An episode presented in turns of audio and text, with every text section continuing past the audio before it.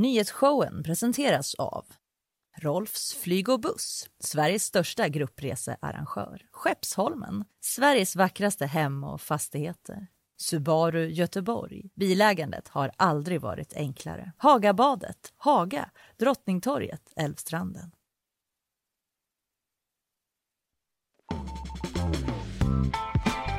Ja, men det är tisdag, det är nyhetsshowen, det är live från GP-huset. God morgon! Hur har du det? Jag har det toppen. Ja, underbart. Hur har du det? Jag har det också toppen. Ja. Jag tycker det är skönt att tisdag har blivit våran dag. Jag vet, så Mm. mysigt. Väldigt mysigt.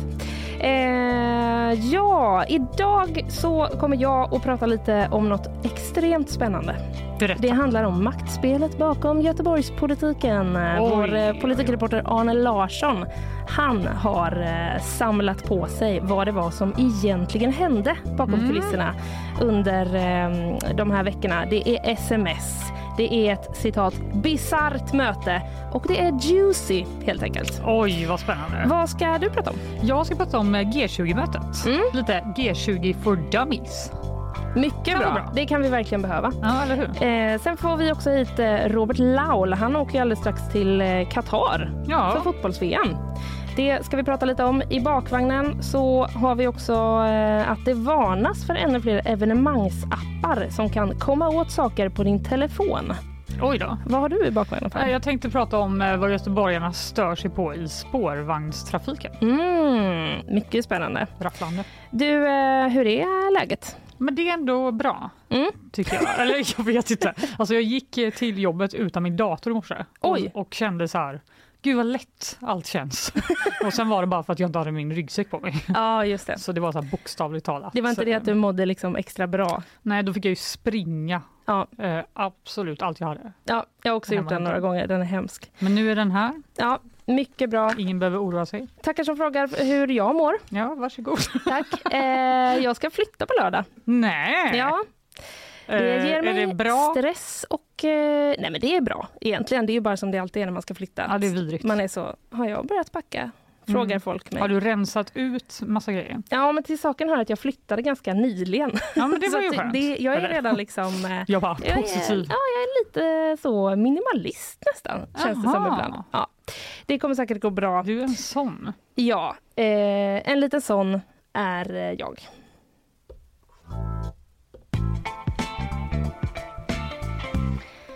Innan eh, vi eh, går eh, längre in så har vi två små kortisar som vi behöver ta upp. För idag Ja. väntas det ju två stora besked. Två väldigt viktiga. Ja, Vi börjar lika med... viktiga? Ja, Frågetecken. Det kan eh, lyssnarna avgöra. Ja, det kan de. Men vi kommer nämligen få veta bara om några timmar Mm. vem som blir årets julvärd i SVT. Oj, oj, oj. Och det här kan man ju tycka är en liten bagatell. Ja. Men det är, verkar inte vara det, för varje år blir det eh, ganska mycket liv om detta. Ramaskri Ja, nästan. man kan inte välja fel, Nej. för då får man veta vad det är Mm. direkt. Eh, men det finns ju då lite indikationer. Eh, Det finns ju då människor som spelar på detta. Just det, man kan Eh, satsa pengar på Man det kan här. satsa pengar och bli rik. Nej, det kan man kanske inte, men eh, rikare. Rikare kan man bli. Ja. Ja. Och enligt spelbolagen i år så finns det tre favoriter.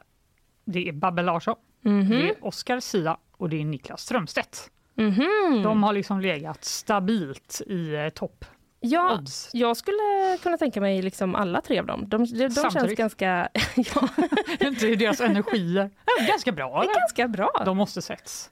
kanske skaffar ett eh, program snart, Ja, ihop, om inte de annat. säkert. Men de, de känns ändå som, det är ju ingen av dem som jag känner så här, va? Nej, det känns inte som att någon kommer bli outraged. Men Nej. eh, nu har det kommit en ny favorit som seglat upp. Mm. Det är Farah Abadi, Mhm. eh, känd från Melodifestivalen bland Mm. annat. Mm. Och hon går nu om dem eh, i favorittippning. Så vi får väl se. Eh, det har ju varit två män i rad här. Förra året var det Tarek Taylor och året innan det var det Lars Lerin. Mm. Kanske att de vill då få in en eh, kvinna. Kanske Men, att det blir en kvinna då.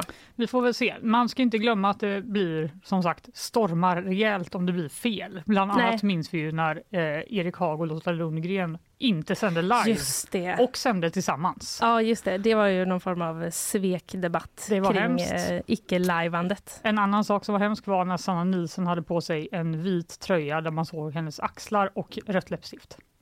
Nej, Jo. Va- blev det storm det om det? blev en eh, kritikerstorm. Oj, vilken Eh. tur att eh, inte du har min tröja eller jag har ditt läppstift idag då. det hade det kunnat bli. Då hade vi Storm. genast blivit utjagade från studion. Ja, det hade vi eventuellt. Ja, vi får väl se. Men jättespännande, Vi, vet vi vilken tid? Klockan 11. Klockan 11. Perfekt. Stay tuned Mm. på gf.se får ni veta. Mycket bra. Kanske till och med att man får en liten pushnotis. Det kan vara så. Kan vara så. Mm.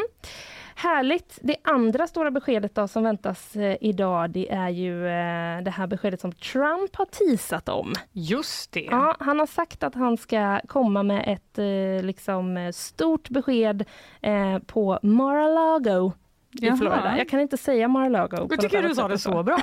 Verkligen. Ehm, men det har ju heller inte gått lika bra riktigt i mellanårsvalet som eh, man kanske trodde. Så då Nej. har det ju spekulerats också lite kring, har han verkligen så bra stöd? Är det Mm. här liksom the right time? Ska han verkligen Mm. ge sig på det här igen? Ja, precis. Men det verkar ju... Eh, han brukar ju kanske inte lyssna så mycket på det, utan han kör. Det är lite hans grej Ja. kan man säga. Så som jag har förstått det i alla fall så är det här beskedlämnandet fortfarande on. Mm, okej. Och vi ska ju säga det också att han, han har inte sagt uttryckligen att jag kommer säga Nej, om jag ställer upp eller inte. Men eh, man kan ju gissa att det kan vara det. det kommer nog Ja. vara det. Nej, se. Däremot så har vi tidsskillnaden. Ja, och jag tänkte först fråga dig, när får vi veta det här? Men Mm. sen tänkte jag, det ska jag inte göra. Nej, att, vad snällt. men snällt. nu gjorde jag ju typ Men det jag ändå. eh, har eh, klickat in mig på en länk på Aftonbladet här så jag kan berätta Okej. att eh, det väntas komma klockan tre på onsdagsmorgonen. Ah. Så eh, några timmar innan vi börjar sända imorgon helt enkelt. Då har vi besked om båda de här spännande sakerna helt Ja, enkelt. det- Julvärd och Trump. ja, precis. Det blir det enda i morgondagens eh, sändning. Perfekt. Då kör vi Fanny. Ja, Varsågod. jag börjar. Mm. Idag och imorgon är det nämligen G20-möte på Bali. Just det. Och vi pratade ju om det lite igår, men jag tänkte ändå att det var värt att fördjupa sig i. Men innan det tänkte jag att vi skulle köra lite G20 for dummies. Ja, jättebra. Är inte det bara en sån sak man hör varje år? Nu är det G20-möte. Jo, jo. Men- Och G5 ibland hör Ja, man väl nu också. ska vi inte blanda Nej, in fler. Det finns även G7 tror jag. Men jag har bara fokuserat på detta. Och jag Ja, tänkte bara att eh, eftersom ni inte ska behöva gå tillbaka i era så böcker på, från högstadiet Mm. så ska jag bara berätta vad det Ja, är. det är underbart. Jag förstår att folk kan googla, men det är ingen som kommer göra det. Så nu kommer jag vara er Google Ja, eh, Mycket bra. för er. Och då är det så här att G20 står för Group of 20 och består av 19 länder plus EU som då representerar ja. en drös andra länder ja okej. som är med i EU. Helt just enkelt. Just det, för att EU ändå är någon slags eh, storspelare. Exakt. Tillsammans. Tillsammans. Eh, dessa 20 då står för ungefär 90% av världens, världens ekonomi. Okej. Ja, och därför har de bestämt att sedan 2008 så ska de hålla eh, ett toppmöte per år och Mm. diskutera världsekonomin. Men det har också blivit lite då övriga politiska samtalsämnen när de ändå är där och Mm, ses. Just det. Eh, I år till exempel kriget i Ukraina, förra året pandemin. Ja, Saker som rör oss alla saker som är på medborgare i världen. Mm. Eh, och i år är det då på Bali, det är för att Indonesien är ordförandeland i år, men det roterar då varje år. Så eh, Mhm. de byter location och värdland. Okej. Väldigt demokratiskt Mm. kan man tycka. Eh, inför i år så har den stora snackisen varit att Indonesien, trots protester från USA och många andra västländer, har bjudit in eh, både Rysslands president Putin och eh, Ukrainas president Zelensky till att vara med på Mhm. G20-mötet. Mm. Ryssland är då med i G20, det är Mm. inte Ukraina, men Nej. de ville väl att han skulle få chansen ändå. Mm. Eh, och Indonesien vill helt enkelt vara opartisk och neutrala till kriget. Eh, så de har tyckt att Mhm. Ryssland får komma ändå, eh, medan de andra då säger att nu ska vi bojkotta dem.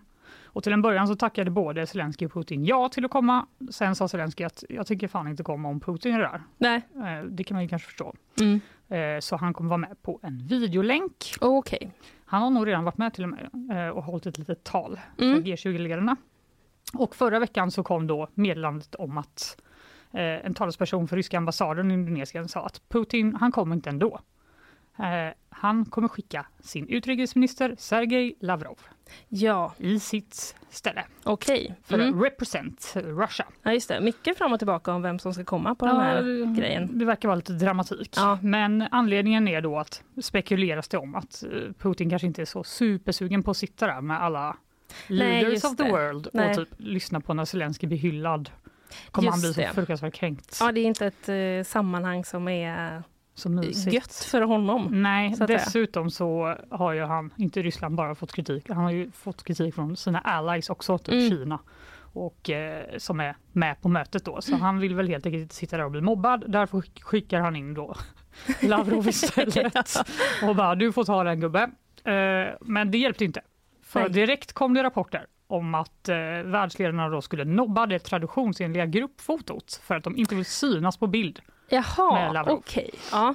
Eh, och eh, dessutom så eh, kom källor ut till The Telegraph.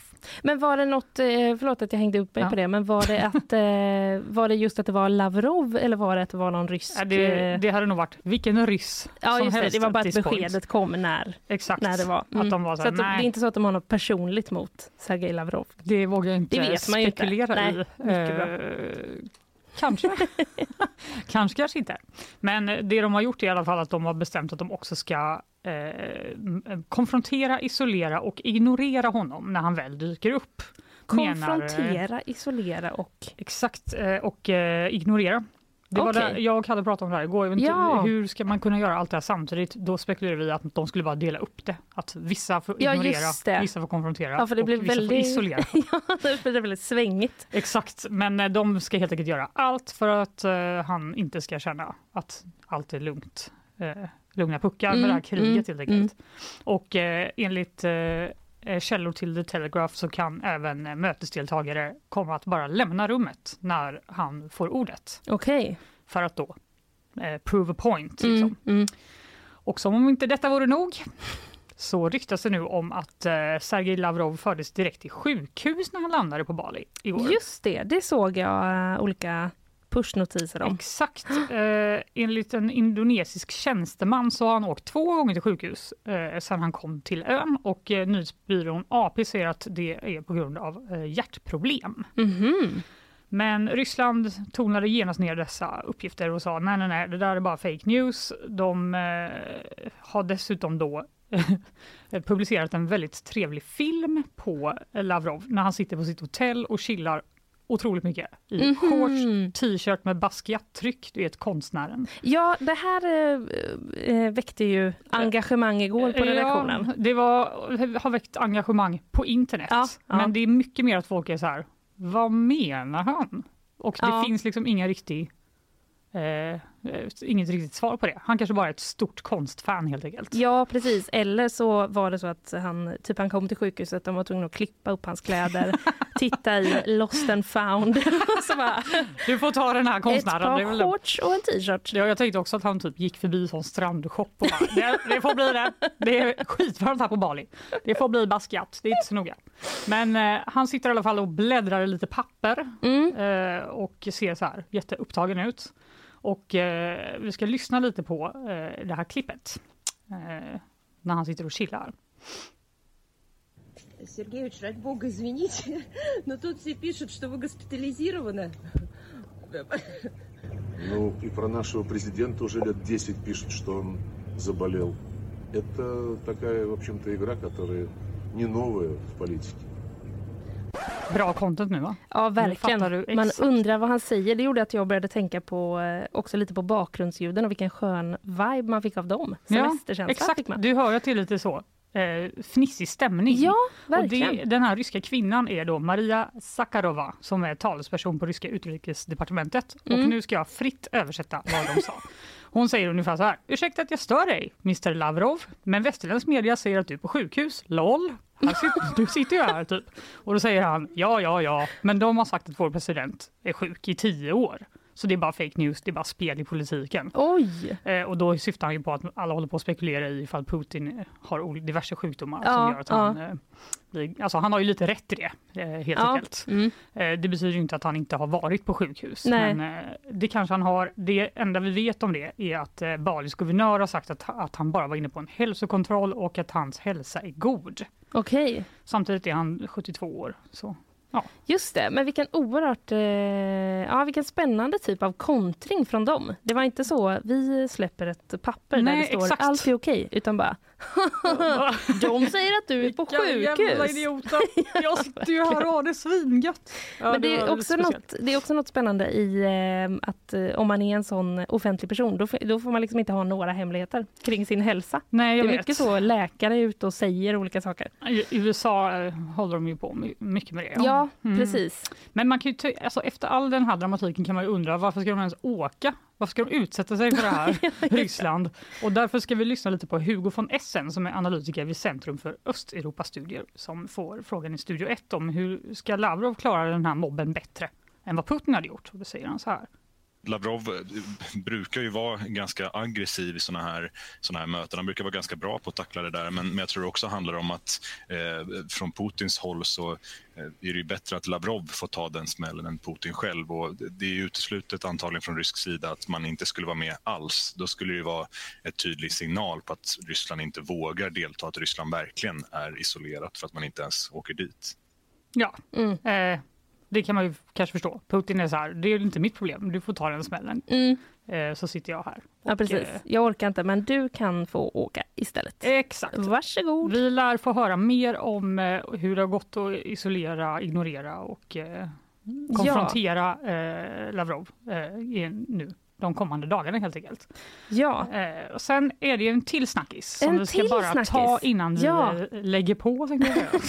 vi lägger på mikrofonen. trodde du att det här var ett samtal du och jag hade i telefon? Jag brukar tänka det så att jag inte ska bli så nervös. Ja, vad smart. Det bara du och jag Ja. Men eh, det var ju då att eh, förmötet igår Mm. som skedde mellan Kinas president Xi Jinping och USAs president Joe Biden. De sk- ska ha suttit och snickesnackat i tre goda timmar Oj! eh, på Bali. Eh, Och vi vet ju då inte exakt vad de sa, men Biden höll en presskonferens efteråt där han sa så här, vi ska lyssna lite på honom. I, I just met in person with Xi Jinping of the People's Republic of China. We had, excuse me, we had an open and candid conversation about our intentions and our priorities. It was clear, he was clear, and I was clear, that we'll defend American interests and values, promote universal human rights, and stand up for the international order and work in lockstep with our allies and partners. We're going to Ja, de var överens om mycket. Ja. Och eh, istället för att då eh, rykten skulle spridas om varför han lät så otroligt sleten Mm, så det gick han ut faktiskt. själv och sa jag är förkyld. Aha. Så eh, han behövde inte heller lämna papper på det. Men, nej, nej, men vi är där nu, så. att man får åka på G20-möte om man är förkyld. Ja, det Alltså. är lite oklart. Det kanske var därför han sa det. Jag vet inte. Ja. Men eh, han rosslade lite. Han kunde inte i alla fall ställa in det här väldigt viktiga mötet. eh, Nej, nej. Såklart. För Nej, det det var första man. gången de sågs sen Biden blev president. Mm. Och det har ju varit ganska frostig stämning mellan Kina och USA. Inte minst under Trumps tid. Mm. Eh, och det Biden menar att de pratade om var eh, kriget i Ukraina. Han menar också att de har enats om att kärnvapen är oacceptabelt. Det var ju lite skönt att höra. Ja, det... Ja. Agreed. Kärnvapen är ju en sån grej som man typ inte kan fatta riktigt. Nej, man ska inte tänka på det för mycket. Nej. Men det som är den stora heta frågan handlar ju då om Taiwan. Taiwan är ju då ett självstyrande territorium i Stilla havet som Kina gör anspråk på. Mm. Och nu är det lite frågan om de ska då invadera Taiwan eller inte. Peking har anklagat USA för att de står bakom ett självständigt Taiwan och Mm. vill ju inte att de ska lägga sig i det här eh, såklart. Eh, Och Biden ska ha sagt att, eh, till Xi Jinping att de måste liksom sluta ha sina aggressioner mot den här ön. Mm. Eh, och han sa på presskonferensen att han inte tror att det finns någon plan på att invadera Taiwan i närtid. Nej, just det. Så det var ju skönt. Enligt den statliga nyhetsbyrån Nya Kina dock, i Kina, ah. så har Xi Jinping sagt till Biden att eh, USA inte får ingripa i frågan om Taiwans självständighet. Det Nej. är en eh, röd linje som inte får passeras. Det är så stora frågor de har på de här Därför mötena. finns G20! Ja, det är eh, fantastiskt, Fanny. Eller hur? Underbart.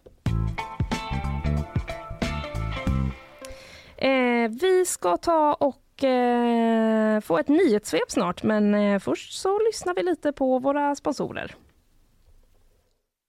Nyhetsshowen presenteras av Rolfs flyg och buss, Sveriges största gruppresearrangör. Skeppsholmen, Sveriges vackraste hem och fastigheter.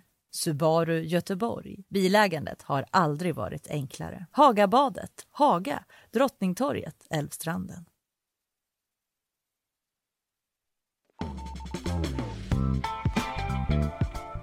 Ja, men eh, det är tisdag och det är nyhetsshowen. Här är sitter det. du och jag, Fanny, och har det trevligt. Så mysigt. Ja, vi har det mysigt. Eh, Isabella Persson, välkommen in i studion. God morgon. Där får du en mikrofon också. Du, har din, din, du, du sitter ovanligt högt idag, eller? Men jag är också så Är det någon härskarteknik? Nej men jag är så ärrad från i fredags när vi hade quiz och jag stod och kollade i efterhand och bara Herregud jag kan aldrig stå vid det här bordet, jag är alldeles för kort. Nej, just det. Du, eh, du stod eh, precis bredvid eh, Kristoffer Ahl. Ahlqvist. Ja. Du såg ganska kort Jag såg så liten ut. Ja. Jag, jag är ju ganska kort men då är det bättre att skapa någon slags illusion och sitta högt upp på stolen Ja, istället. superbra.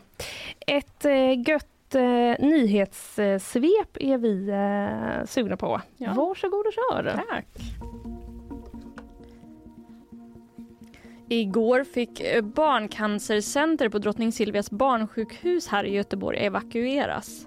Anledningen är att man hittat mögel i flera rum, något som SVT Väst var först med att rapportera om. Patienterna som främst är cancersjuka barn har nu flyttats till ett annat våningsplan och avdelningen väntas vara avstängd i minst tre månader.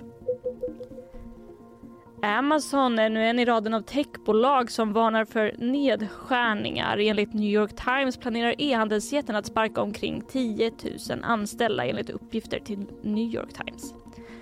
Nedskärningarna kan inledas redan den här veckan och ska enligt uppgifter främst drabba hårdvaruavdelningen, ekonomi och HR. Den iranska domstolen har enligt BBC utfärdat det första dödsstraffet efter att protesterna bröt ut i landet.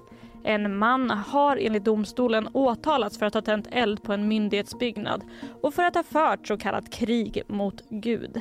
Sedan tidigare har iranska myndigheter sagt att upp till 2000 personer riskerar att ställas inför rätt efter demonstrationerna och enligt människorättsorganisationen Iran Human Rights riskerar minst 20 personer att dömas till döden. Okej, ja, Iran, eh, utvecklingen fortsätter Mm. där. Ja, vi får se vad som händer då. Ja, Det är också lite oklart tror jag, hur mm, de senaste uppgifterna då, att hur de här, om de faktiskt blir reella, de här dödsstraffen. eh, Mm. ja just det. Men ehm, ja, det är så det rapporteras om just nu i alla fall. Ja. Isabella, eh, stort eh, tack för det här eh, nyhetssvepet. Vi hörs lite senare igen. Det gör vi.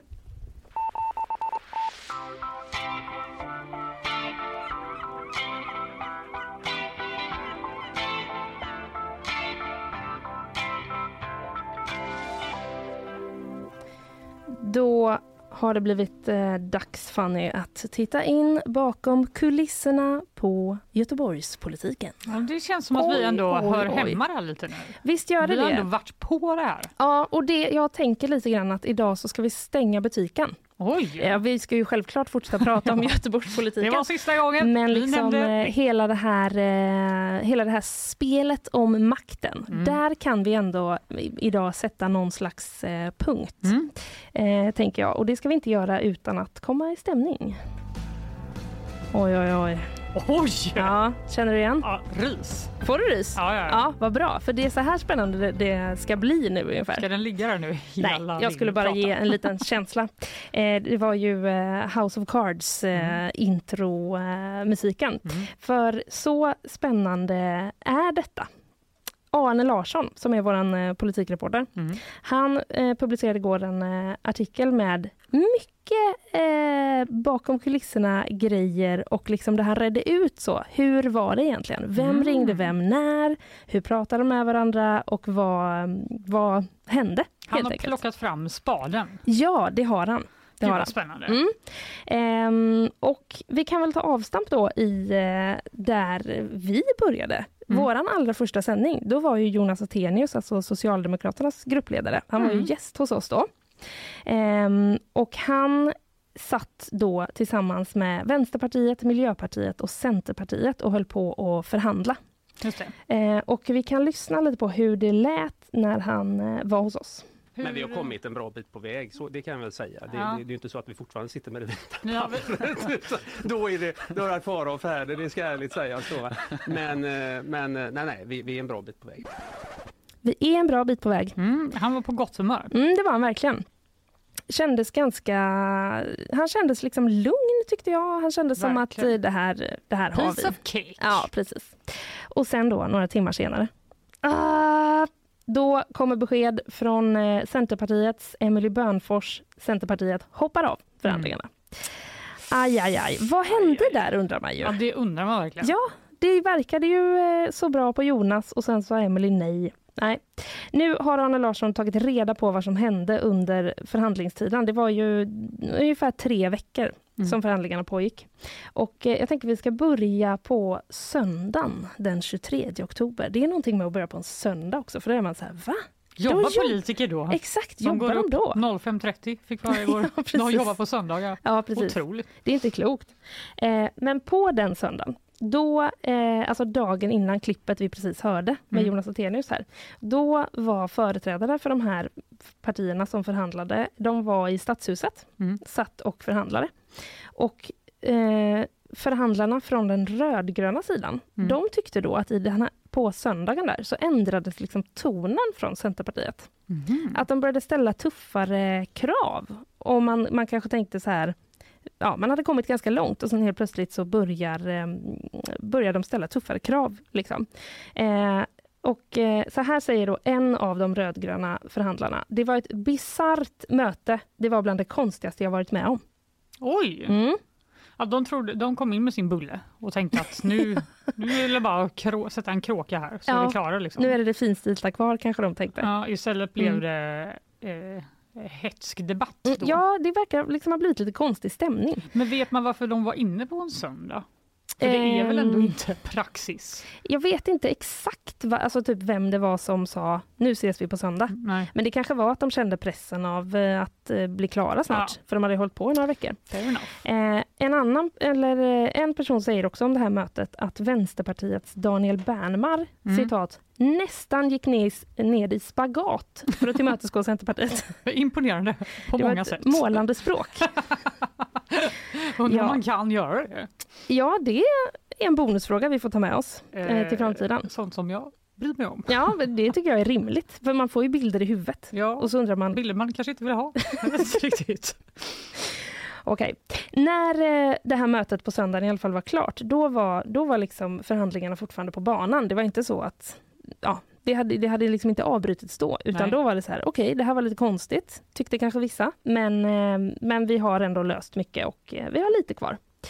Eh, och det som hände då på måndagen var att de andra partierna fick reda på att Emily Bönfors ville ha ett möte strax före lunch på måndagen. Uh-oh. Aj, aj, aj. Vad är det för möte? Och då kom det. Centern hoppar av. Ja. Då meddelade de det. Och det visar sig då att Centerpartiet har under tiden man har förhandlat med de rödgröna också haft kontakt med den andra politiska sidan. Nej, Mm, jo då, nu jo då. kommer House of Mm. Cards in igen Ja. Eh, eh, på söndagen då, dagen innan de hoppar av, alltså när de hade det här mötet som det var lite konstig stämning på, eh, då, ska de, då ska Centerpartiet ha skickat en lista till högersidan Mhm. med 15 punkter som de ville ha igenom. Mhm. Och på måndagen, då träffades de för att diskutera det här. Oj, oj, oj. Men då visste inte högersidan att Centern hade hoppat av förhandlingarna med de rödgröna. Alltså vilka players! Ja, men visst, visst är det. Alltså hatten av Jag får man ändå säga. Ja, ja visst, verkligen. Ehm, väldigt, eh, väldigt spännande, men så var det i alla fall. Ganska många punkter också. Som Ja. man ville få igenom får man ändå säga. Ja, det var inte precis. typ så här, de här 15 stycken. fem grejerna. Nej, men det är väl, jag vet inte hur många punkter det är i en hel... Nej, det Det känns vara. som att det finns oändligt med Ja. punkter i som man Om det måste är bestämma om. 5000 punkter så är Ja. det inte 15 så många givetvis. Nej, Men, nej eh, precis. Men ja, det är ändå, det är ändå ett par. Ja. Absolut. De hade gott läge också Mm. att ställa krav uppenbarligen. Ja, men det, var väl, det kanske var lite så de tänkte. Mm. Att eh, de vet ju inte att vi har hoppat av. Nej, Så nu kan vi ställa vi lite... testar. Ja. Spelet. De spelar spelet. Mm. En annan eh, spännande grej i det här då, det är ju om vi hoppar tillbaka till eh, slutet av september. Då kallade Centerpartiet till en eh, pressträff och det de berättade på pressträffen var att man skulle börja förhandla med de rödgröna och att man lämnade Alliansen. Mhm. Men hade Alliansen fått veta det innan pressträffen? Jag gissar nej. Nej, det hade de Oj, inte. oj. Det hade de inte. Nähä. De hade då fått ett kort sms. Mm. Jag vet inte innehållet, men det var... Det, in- det, det stod bara typ... Det stod ungefär... eh, Det stod att Centern skulle hålla en pressträff. Men det stod inte vad pressträffen skulle Ja, det handla är om. typ som samma som vi fick förmodligen då. Ja, ja, men, ja, precis. För det som hände sen då, det var ju att eh, på pressträffen så var det inte bara journalister. Utan längst bak, skriver Arne Ah. Larsson, där satt ju liksom eh, politiska tjänstemän från Alliansen. Och bara, vad händer? Exakt, de satt och liksom också var sådär, vad är detta? Vad är det som kommer fram? Vad är det de ska säga? Och då fick de ju höra då att eh, nu, eh, nu börjar Centern förhandla med de rödgröna. Så det blev ju lite snopet för dem. Ja, det förstår jag. Och eh, att de fick liksom, fick, eh, ja, de blev ju dumpade på sms, men de blev också inte dumpade på Det var sms. att Det var så, vi behöver så. prata. Typ ett sånt sms. Uh, och vi gör det framför massa journalister. Snällt. Ja, det, väl, det, det önskar man ju inte händer i ens privatliv. Nej, helst inte. Nej. Eh, Emily Bönfors då, från Centerpartiet, hon säger eh, så här om hur själva breakupet gick till. Eh, jag kan tycka så här, vi har hela tiden sagt att vi kan prata med alla utom SD och det vi sa på presskonferensen var att vi skulle prata med S, V och MP. Okej. Så hon menar ju då att vi har alltid sagt att vi kan Mm. prata med folk och nu ska vi prata med de här. Ja, Mm. det borde ni förstått. Ja. Ehm, och de rödgröna då, Mm. de blev ju lämnade då vid förhandlingsbordet på den här ödesdigra måndagen, Vid altaret. som ändå vi spelar en liten roll i, det tycker jag. någonstans. Mm. Oklart Eh, vilken, men oh, vi var med. Ja, ja visst, väldigt oklart vilken, men eh, på något sätt var vi med. Eh, de blev då lämnade vid förhandlingsbordet och de tog fram ett eh, så kallat hängavtal med en deadline på när de ville ha svar från Centerpartiet. Just det, Vad är ett hängavtal, tänker du Fanny? det tänker jag. Vi lyssnar på Arne. Det man säger är att Centerpartiet de ska lägga fram en egen budget och rösta på den. Och i och med det så vet de rödgröna att de kommer få igenom sin budget i fullmäktige. De får sina positioner som eh, ordförande i kommunstyrelsen och allt det här som de ville ha. Och de, de är de som styr staden och de får igenom budgeten. Eh, och mot detta då så får Centerpartiet en plats i kommunstyrelsen och några andra nämndposter. Så att man har liksom eh, man är överens om vissa saker som inte omfattar politik. Ja, det är det det handlar om. Och det här avtalet eh, fick de ju till. Mm. Det är inte, jag är inte säker på om det var så att liksom, de skickade ett förslag på avtal och så tog Centern det, utan de snackade väl lite om hur avtalet skulle se ut. De förhandlade lite till. Det, ja, så kan det ha varit. Eh, men det fick de ju i alla fall till. Så det blir en uppgörelse då om eh, budgeten och vilka poster man ska ha. Mm. Så det är ju inte så mycket liksom, eh, polit, politik eller Nej. politiska frågor, den här satsningen hit och den dit. Liksom. Eh, men det som man landade i då var ju att eh, Socialdemokraterna, Miljöpartiet och Vänstern, de styr, men med den här uppgörelsen, hängavtalet då, eh, med Centerpartiet. Och vi ska säga det också angående att Centern då hoppade av, så har Emily Bönfors eh, sagt eh, så här. Vi hade nog kunnat sy ihop någonting, men att ingå i ett styre tillsammans kräver ju att man kan kompromissa inom den konstellationen i fyra år. Det tror vi hade slitit för hårt på vårt parti och gett oss mindre inflytande och mindre synlighet. Det insåg vi under diskussionerna. Mm. Mm. Så att eh, det här var bara lite av det juicy eh, som man har fått veta i den här Oj, oj, oj. eh, texten av Arne Larsson. Då. Bra jobbat Arne. Ja, verkligen. Det finns mycket mer att läsa om man är sugen. Då är det bara att gå in på gp.se och ta del av eh, Arnes, eh, vad han har luskat fram om hur de här sakerna gick till. På torsdag, Mm. för att blicka lite framåt, då är det budgetomröstning i Ah, kommunfullmäktige. Så det, Upp till bevis. Exakt, och det är ju det datumet, den 17, som de har haft att förhålla sig till hela tiden. Så att eh, då, ja, då stänger vi väl boken på riktigt på torsdag kanske då. Det när, eh, när den har gått igenom. Det gör vi.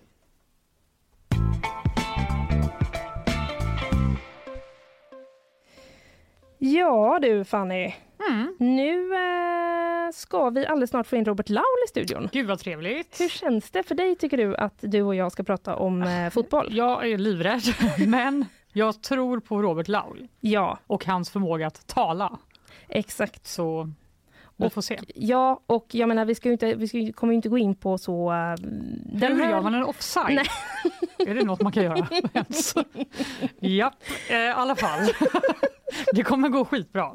Det kommer Ja. gå skitbra. Eh, jag skulle säga så här, man kan, man kan nog göra en offside men man vill väl aldrig det. Bryt! Bryt. Ta in bryter, experten vi tack. bryter, vi bryter. Ja. Eh, här, Robert Laul kommer snart. Vi ska bara lyssna på eh, våra sponsorer först. Nyhetsshowen presenteras av Rolfs flyg och buss, Sveriges största gruppresearrangör. Skeppsholmen, Sveriges vackraste hem och fastigheter. Subaru Göteborg. Bilägandet har aldrig varit enklare. Hagabadet, Haga, Drottningtorget, Älvstranden. Ja, men då är vi tillbaka. Vi har fått koll på eh, mikrofoner och varandra. Ja, För att det sammanfatta. viktigt. Ja, på söndag då, då börjar VM i Qatar, den 22 turneringen i ordningen. Och i övermorgon, eller är det imorgon står det här inom parentes, åker GPs Robert Laul dit för att rapportera. Välkommen Robert! Eh, tack så mycket, det var klara besked i era papper där. Ja men visst, Ja, du, kanske visst kan, det. du kanske kan, eh, Kan du hjälpa oss. reda Ja, jag blev plötsligt osäker men det, om det är tisdag idag så åker jag på onsdag så då är det imorgon då. Ja men då är det imorgon. Då var Ja. det parentesen som var rätt. Eh, har, du, eh, har du packat? Eh, det har jag inte gjort. Eh, jag ska bara vara där en vecka så att det blir inte så mycket packning. Eh, vi tänker ju att det här mästerskapet kanske inte är ett mästerskap som man följer så mycket för fotbollen utan eh, framförallt för hur vad fan händer när ett fotbollsmästerskap hamnar i Qatar av alla eh, ställen. Så att jag är där en vecka och skildrar det inför premiären, över premiären, lite efter premiären och sen sticker jag hem igen just för att det är så väldigt speciellt att det här mästerskapet hamnar, har hamnat i Qatar. Så det är inte Ja. bara typ eh, så här gick det i matchen, utan det är snarare lite mer eh, reportage och sånt som vi kommer få från dig. Ja, väsensskilt skulle jag säga. Normalt i det här läget så sitter man ju liksom och pluggar trupper och, och eh, kollar på vilka är skadade och vilka formationer ska lagen spela med, vilka stjärnor kommer, vilka stjärnor kommer inte.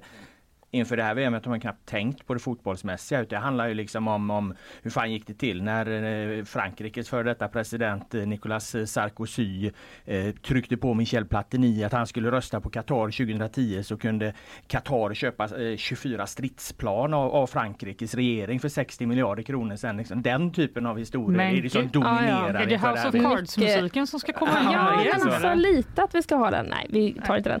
Eh, men ja, du var ju inne på det. Du har ju bevakat väldigt många VM, men då, då är känslan helt annorlunda den här gången. Ja, den är totalt, jag har aldrig varit med om något liknande. Det brukar vara jättepepp Mm. i, i det här läget. Ja men från man var liten, mitt första VM 1982 satt och klistrade in såna här eh, eh, bilder på spelarna i de Ja. så kallade Panini-albumen. Och det, det är liksom den, den uppladdningen har ju följt med.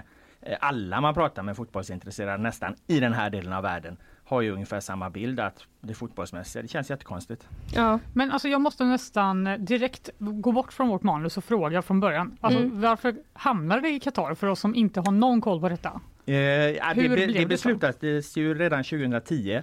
Då utsågs Ryssland att skulle arrangera VM 2018 och Qatar eh, eh 2022.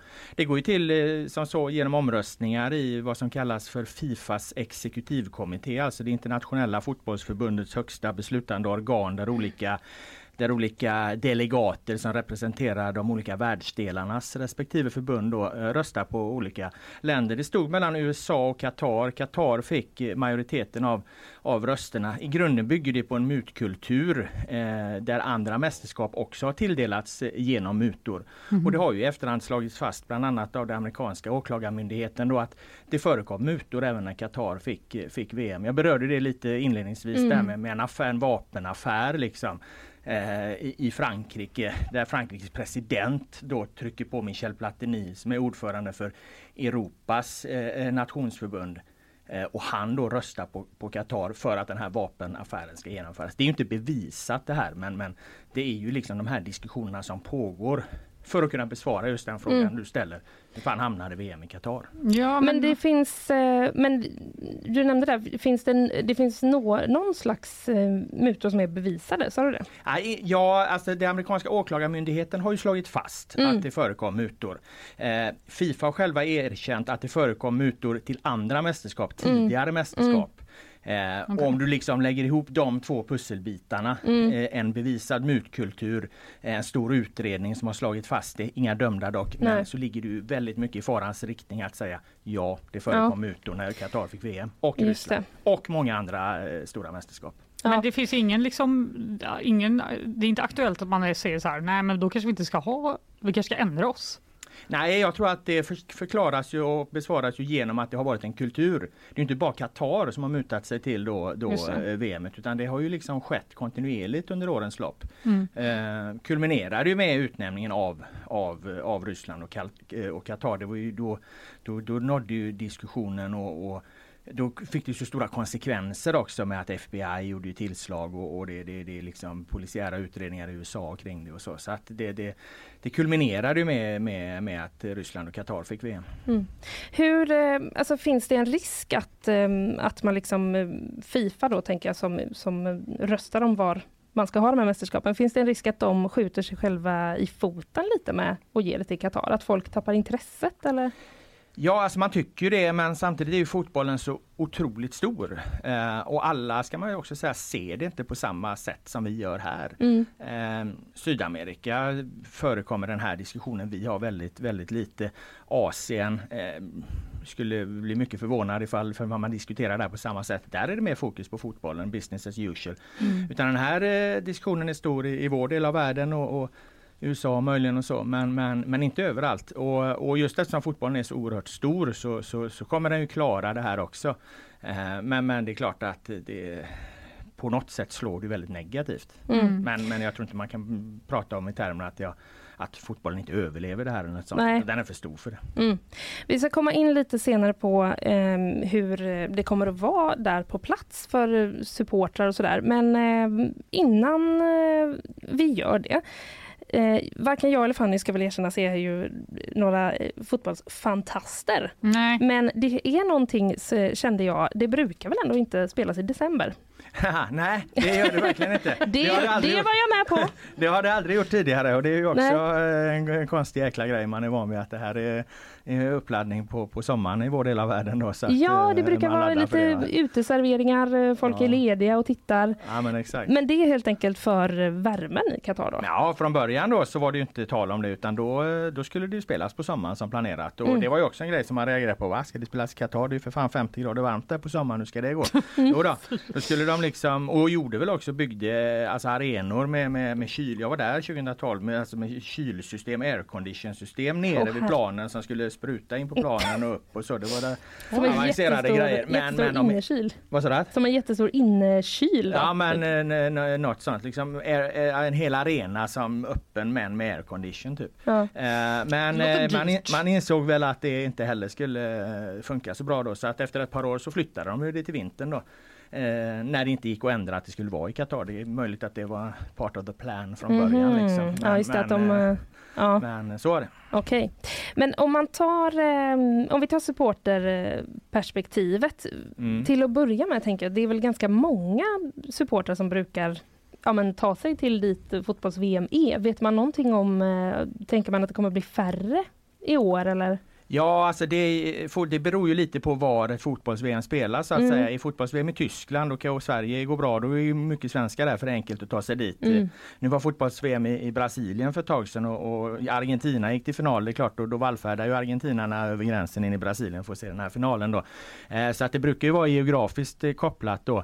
Det här VMet blir väldigt speciellt ur det perspektivet. Det är ju, dels är det krångligt att ta sig till Qatar och, och, och sen är det ju ett, ett, ett, ett väldigt eh, land med- väldigt strikta och annorlunda regler och lagar mot eh, många delar av, av, av världen. Då. Så att eh, supporter supporterfrågan kommer nog mest bli omdiskuterad. Det som sker just nu det är ju att de flyger in, alltså arrangören flyger in supportrar som mer eller mindre eh, skådespelar att de är supportrar till olika eh, nationer för att skapa en, en, en bild av att det är en supporterfest och så vidare. Sen kommer det säkert komma riktiga supportrar också. Men, men det har varit väldigt omdiskuterat den senaste dagarna. Det finns mycket bilder på sociala medier hur liksom Ja. de, de, de, de liksom flyger in människor och så hänger de på dem ett par tyska landslagströjor och så får de låtsas vara, vara tyska supportrar. Så, Alltså det är ju helt barockt. Det är Men helt hur skevt. Det är vet ju de- ytterligare en jävla konstig grej med det här mästerskapet. Ja, men hur vet de vilka länder som inte kommer att ha tillräckligt med fans där? De bara, ni får kvoteras in här. Ja, de, har fans. de har nog full koll på vilka som ska ta sig in i, i landet för det verkar vara omfattande procedurer i alla fall för oss journalister för att ta, ta oss Ja, dit. det så det Ja, har de nog liksom koll på om man bokar hotell och, och sånt. Alltså allting Mm. är ju organiserat i någon slags eh, eh, det är som att hela landet blir en Fifa-organisation liksom Ja. och så ska man bo på vissa speciella hotell som tillhör, tillhör eh, mästerskapsarrangemanget så att säga. Just det. Men du var ju inne på det att de har eh, ja, minst sagt annorlunda lagar än vad, vad vi har här. Men kommer man som supporter, kommer man kunna dricka öl? Ja det tror jag de kommer lösa för att eh, i Qatar det finns ju x antal eh, serveringsställen så att säga eller på hotell och, och barer som har tillstånd för att servera alkohol till eh, Mm. till, eh, ja det är väl framförallt människor som inte bor i, i, landet och som de serverar till Mhm. och, och, och eh, jag kan inte exakt hur det systemet fungerar men det tror jag är väl ett mindre problem att, att, att kunna ta sig en öl eller två eller tre för, för de supportrar som nu, nu åker dit. Det är väl värre då med att det är ju ganska strikt mot att vara berusad på allmän plats och, och, och så här så att det, det finns ju mycket, mycket lokala eh, sedvanor och så här som går att bryta mot om, om, om, Mm. om, om du liksom inte uppför det där och då, då kan det nog bli konsekvenser för den som gör det för la- lagarna gäller ju där. Mm. Men som eh, om jag och Linnea skulle få för oss att ta en tur, Mm. kan, eh, hur är det att vara där som en kvinnlig supporter? Kan man också gå på stan och ta en öl? Och... Ja det kommer man kunna göra under, under eh, VM, det är jag helt övertygad om. Mm. Eh, däremot är det väl värre när det inte är VM där. Det är väl egentligen då Mm. liksom problemen är som allra störst. De, de lättar väl upp eh, med saker och ting så.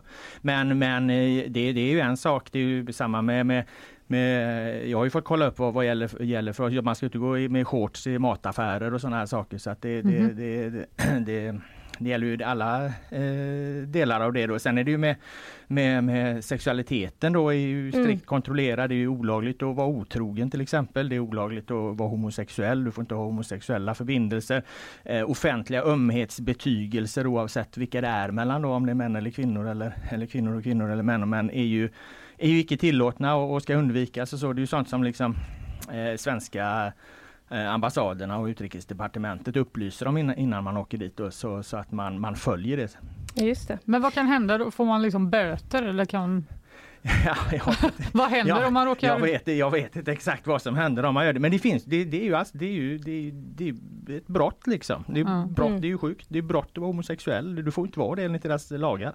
Mm. Men samtidigt ska man komma ihåg att, att eh, det är ju samma lagar och regler i, i Dubai ungefär kan man säga. Och nu väldigt många, många även svenskar som åker till, till Dubai och festar och, och, och lever loppan liksom. Och, och, och det har väl säkert förekommit eh, kyssar och ja men ni fattar. Mm. Alltså i, i, i typ där. Så att eh, det, det, vi får väl se hur det blir helt enkelt. Jag vet inte, det är svårt att veta exakt. Det är, därför, det är ytterst därför vi åker dit eh, Ja. då, eh, Mm. från GP. För att det är ju väldigt många grejer här som ni ställer frågor om. Man, ja men hur fan blir det Mm. när det är ett mästerskap där? Vad händer med alla de här Hur mycket grejerna? kommer de anpassa Ja. sig helt ja, enkelt? Och då, och då tänker man ju så här, då kan man ju sidan tycka att ja, men man ska som journalist kanske inte åka till Qatar för att bevaka VM när det är så konstigt och, och dumt och dåligt allting. Men, men samtidigt så tycker jag i alla fall att det är viktigt att åka dit och, och, och ha någon där som kan förklara, okej så här var det liksom. Mm. Så jag tycker det är bra att journalister åker dit, tycker inte man ska eh, bojkotta det, absolut inte. Samtidigt eh, pumpar ju Fifa och Qatar själva ut eh, propaganda kring det här, hur bra allting är. Till Mm. exempel de här supportrarna då. Då är det väl bra om det finns journalister där då som kan säga att, ja men hallå, de här har ju, har ju flugits hit från Israel för att, för att klä på sig en tysk landslagströja och låtsas vara Mm. tyska supportrar. Mm. Stackars tyska fotbollslaget som Ja, måste känna sig ja, så precis. dumma. Ehm, vi ska fortsätta prata alldeles strax. Vi ska samla oss, ta lite kaffe, eh, fylla på så är vi alldeles strax tillbaka. Ja, men då är vi tillbaka. Vi har samlat oss lite. Vi eh, har Robert Laul i studion som eh, alldeles strax ska åka till Qatar för att bevaka fotbolls-VM där. Och vi pratar lite om att det kommer att bli ett väldigt eh, speciellt VM, redan är såklart, men även på, på platsen. Ehm, hur, om, vi, om vi fortsätter på det spåret vi var inne på där med hur det är som journalist att bevaka det här. Hur vad, vad, hur kommer det bli när du kommer dit? Kommer du kunna liksom ha tillgång till personer och intervjua och kommer du få röra dig in vart du vill? Och... Ja, alltså Qatar är ett väldigt speciellt land utöver allt annat vi har eh, redan har nämnt. Det bor ju bara någonstans 3 miljoner invånare och det är bara 10% av dem eh, är ju eh, boende i landet. Resten är ju utländska gästarbetare och arbetskraft som, som, har kommit, som kommer från andra länder då, i någon form av liksom modernt slavsamhälles-ish system. Alltså, att, alltså, alltså en överhet och så en, en, en stor liksom Liksom arbetande befolkning som egentligen inte bor där utan är där på tillfälliga eh, eh, villkor. Och jag menar mycket av de här, de här som har arbetat med, de, de kan jag tänka mig de, de har skickats undan nu när mästerskapet väl kommer dit. Det finns ju liksom det, finns, det, det är nog svårt att göra de här klassiska reportagen mannen eller kvinnan på gatan grejen. Liksom, för mm. den, den, typen av befolkning existerar liksom inte riktigt i, i, i det här landet. Eh, vilket ju också är väldigt konstigt att det hamnar i där för att jag, jag, kan köpa ifall ett VM hamnar kanske i Saudiarabien eller Nordkorea för där finns ju liksom en förtryckt befolkning någonstans som kan få glädje av fotbollen. Men här finns ju inte ens det för det finns knappt någon befolkning i det, i det här landet. Mm. Eh, så det gör det ju ytterligare konstigt. Så det, det, de här klassiska reportagen som man kanske tänker på att man kan prata med folk som får eh, vädra sitt missnöje kring orättvisor och så som ju är bra när det kommer internationell press mm. till, till den här typen av länder den, den, den typen av reportage är svåra att göra eftersom det knappt existerar någon befolkning där. Mm. Mm, just det. Vi har ju också pratat innan om att, att supportrar ska bo i typ containers ja. och i baracker. Hur ska du bo? Ja, jag, Container? Ja, jag har hamnat på något eh, slags lägenhetshotell en bit utanför centrala delarna av, av Doha, då, huvudstaden där. Eh, jag var ju i, i Doha just 2012 och när svenska fotbollslandslaget var där på en, en, en träningsturné. Mm. Eh, det var ju en, en hyfsat modern och, och Eh, vad man kalla det, bekväm stad med fina hotell och så. Så att eh, sånt finns ju där och det har ju byggts mängder. Alltså de har ju, de, de, de, liksom, de finansierar ju hela sin infrastruktursatsning det här landet med det här mästerskapet. De bygger ju liksom tågförbindelser, tunnelbanestationer, hamnar. Allting är ju kopplat till det här VMet där de bygger upp hela sin eh, infrastruktur på sätt och vis. Så att eh, eh det har nog hänt väldigt mycket sedan sen eh, 2012 och i så fall skulle jag nog kunna tänka mig att det är en ganska modern stad idag. Det kommer bli värsta mm. spökstaden där sen. Ja sen, sen mm. blir det det men det, det är klart att slänger du dit baracker som folk ska bo i då är det enklare att ta ja, väck dem sen än om du bygger alldeles för mycket nya hotell. Men det var inte helt okomplicerat och, och är snabbt och lätt att få tag på hotell där så väldigt mycket var uppbokat. Mm. Okej, okay. Ja. Ehm, ska vi ta och gå in lite på fotbollen då? Det känns väl som att det är dags. ja, vi pratade typ ändå... 25 minuter. Ja, men, men det sammanfattar ju lite precis hur mm, känslan är inför mm. det här mästerskapet. Vi ja. har snackat här nu länge och väl om allt som är så konstigt med det här. Och nu pratar vi lite fotboll också. Det är precis så människor förhåller sig till det skulle jag säga. Ja. I alla fall i vår del av världen. Ja men precis. Men Sverige är alltså inte med för vi är för dåliga? Ja, vi misslyckades eh, att ta oss dit i, i, i playoffet. Där förlorade mot Polen borta och då var det över. Ja, vem vinner då? Eh, nej men den stora historien, och fotbollsmässiga historien kring det här det är ju eh, Argentina såklart med Leo Messi. Messi anses som världens kanske bästa fotbollsspelare genom tiderna. Han har vunnit allt eh, både på klubblag, han har vunnit allt som individuell spelare. Han har fått priset som världens bästa spelare fler än någon annan, eh, fler gånger än någon annan. Men han har aldrig vunnit eh, fotbolls-VM. Han har aldrig mm -hmm. gjort det Diego Armando Maradona gjorde 86 när han tog Argentina till deras VM-titel där.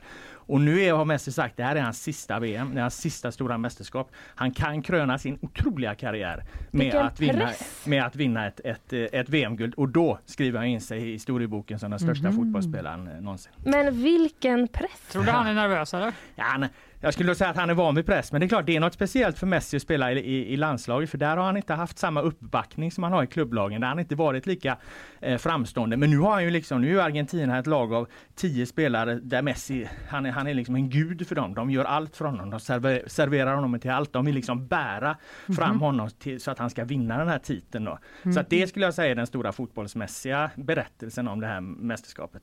Men sen eh, är det väl också eh, Ronaldos sista VM? Ja, men eh, ja, det där är ju en evig diskussion ja. eh, bland folk. Som, men, eh, men jag, för mig, jag, alltså, sagan om Messi större. Ja, den överskuggar. Ja, det gör den absolut. Så att det, det, det, här, det här, den stora berättelsen här kan bli äh, Messis äh, VM, Argentinas VM. Ja, just det. Men äh, hur, hur är chansen då? Alltså finns... är det rimligt att tro att det blir att Argentina absolut, tar det? Absolut. Det, det är som sagt Eh, mästerskapet spelas inte i Europa. De europeiska länderna brukar vara starkare när det går i, i, i Europa. Mm. Eh, så att eh, där har du den aspekten. Eh, de är på olika halvor med exempelvis Brasilien. Brasilien har väl kanske det bästa laget på pappret. Det brukar ju brassarna ha men de brukar ju snurra till det i alla fall. Va? Men, men, eh, men de är på olika halvor i, i, en väg fram till finalen så det kan bli en final mellan Argentina och Brasilien. Eh, och då, det hade naturligtvis varit det absolut största. Sen kan jag väl då bara flagga lite för att jag tror Nederländerna är en liten, liten joker. Jag tyckte att de visade under senaste EMet att de har ett väldigt ungt lag och att det de är orutinerade och så här, men det, det, finns något där. Ge dem lite mer rutin så kan det nog bli ett, ett fin, fin, fin jävla fotbollsårgång eh, som, som de har här nu. Så att de ser jag som en liten joker. Mm. Eh, jag får ett inspel från eh, vår producent eh, Karl om våra grannar Danmark. Mm. Vad tror man eh, där? Ja, där? De är jättebra. De, har ju liksom, de är ju på en nivå nu så att det är inte orealistiskt eller orimligt att de tar sig till en semifinal. Mm. Eh, och det är klart att det är ju, det är ju knäckande att, att våra, våra danskjävlarna håller på att här liksom eh, ska, ska eh, gå till semifinal i, i, i, VM här när Sverige inte ens är med och dessutom eh, halva befolkningen av år. Så att, Varför är Sverige så sjukt dåliga på fotboll? ja du, den frågan är ungefär lika stor som hur fotbolls-VM hamnade i Qatar att besvara. Vi kör en halvtimme till. Det är inga problem. Men, nej men de gjorde en kort, de gjorde en enormt, de gjorde en stor satsning för fem år sedan Danmark på, på unga spelare och så här, som de har fått stor utväxling på. Plus att de har ett annat ekonomiskt ekonomiskt system kring sin fotboll. Det är väl sådana saker som brukar diskuteras. Okej. Vi får heja på Danmark helt enkelt. Det får vi göra. Eller inte. man får välja själv. Ska vi bestämma så? Diplomatiskt. Eh, ja, men jag sitter ju ändå här mellan er så ja. att eh, jag tar någon slags sån ställning.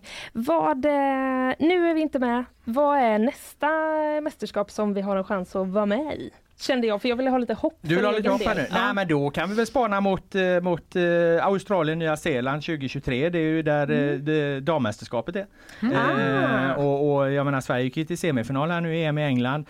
och där skulle jag säga att där exploderade ju damfotbollen verkligen. Det var mm. otroligt stort. Det var nästan 90 000 på Wembley finalen mellan England och, och Tyskland. Nu är det nästa VM där är ju Australien, Nya Zeeland och nästa sommar och Sverige kvalificerade. De Eh, till, till detta eh, mästerskap. Så mm. att det tycker jag absolut att vi till att börja med kan se fram emot. Ja men härligt. Eh, du, när eh, drar själva VM igång? Eh, söndag. På söndag, då är det någon stor invigning? Eller? Ja, eh, den kanske då eh, iskallaste premiärmatchen i historien, men nämligen då mellan Qatar och Ecuador. Det pumpar lätt igång blodet hos särskilt, särskilt många fotbollsentusiaster. Men, men då okay. är det började i alla fall. Ja, men härligt. Eh, Robert, tusen tack för att du kom hit. Vi har eh, alla anledning att eh, prata med dig igen ja, om hur det går. Tack. tack så mycket. Tack, tack.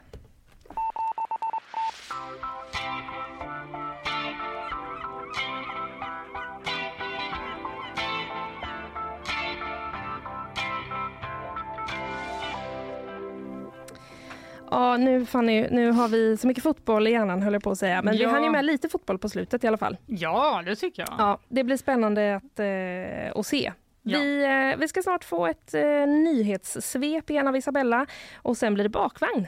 Ja, vad kul! Ja, härligt. Först tar vi och lyssnar lite på våra sponsorer.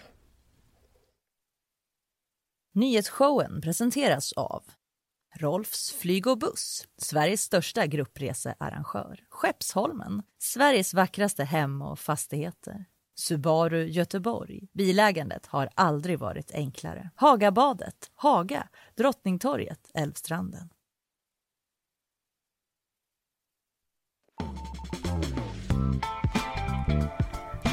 Ja, vi har fått in Isabella Persson i studion. Hon är här, hon är kompetent och hon är smart. Det var ju två nästan likadana saker. Och snygg. Snygg och också. Trevlig. Nu gick du över gränsen Fanny. Lägg av. Nu trakasserier ja, här det, Så får man inte hålla på. Så snäll får man inte vara. En mikrofon ska du få också. Klassiken där. Ja, det är mycket sånt. Ja, precis. Um, men det, idag, nu har vi mycket vi har en del att eh, snacka om efter nyhetssvepet också så att eh, det är väl lika bra att vi kör igång. Vi kör. Igår fick eh, Barncancercenter på Drottning Silvias barnsjukhus här i Göteborg evakueras. Anledningen är att man hittat mögel i flera rum, något som SVT Väst var först med att rapportera om. Patienterna som främst är cancersjuka barn har nu flyttats till ett annat våningsplan och avdelningen väntas vara avstängd i minst tre månader. Amazon är nu en i raden av techbolag som varnar för nedskärningar. Enligt New York Times planerar e-handelsjätten att sparka omkring 10 000 anställda. Nedskärningarna kan inledas redan den här veckan och ska enligt uppgifter främst drabba hårdvaruavdelning, ekonomi och HR. Nu är vi 8 miljarder människor på jorden. Det visar en ny beräkning från FN. De tror att befolkningen kommer fortsätta öka i relativt snabb takt och nå 8,5 miljarder redan 2030. Toppnoteringen blir enligt FNs beräkningar 10,4 miljarder runt år 2080 medan det amerikanska institutet IHMI är lite mer försiktig i sina beräkningar och uppskattar att toppen nås 2064 men att vi aldrig når 10 miljarder. Va? Aldrig 10 miljarder? Nej.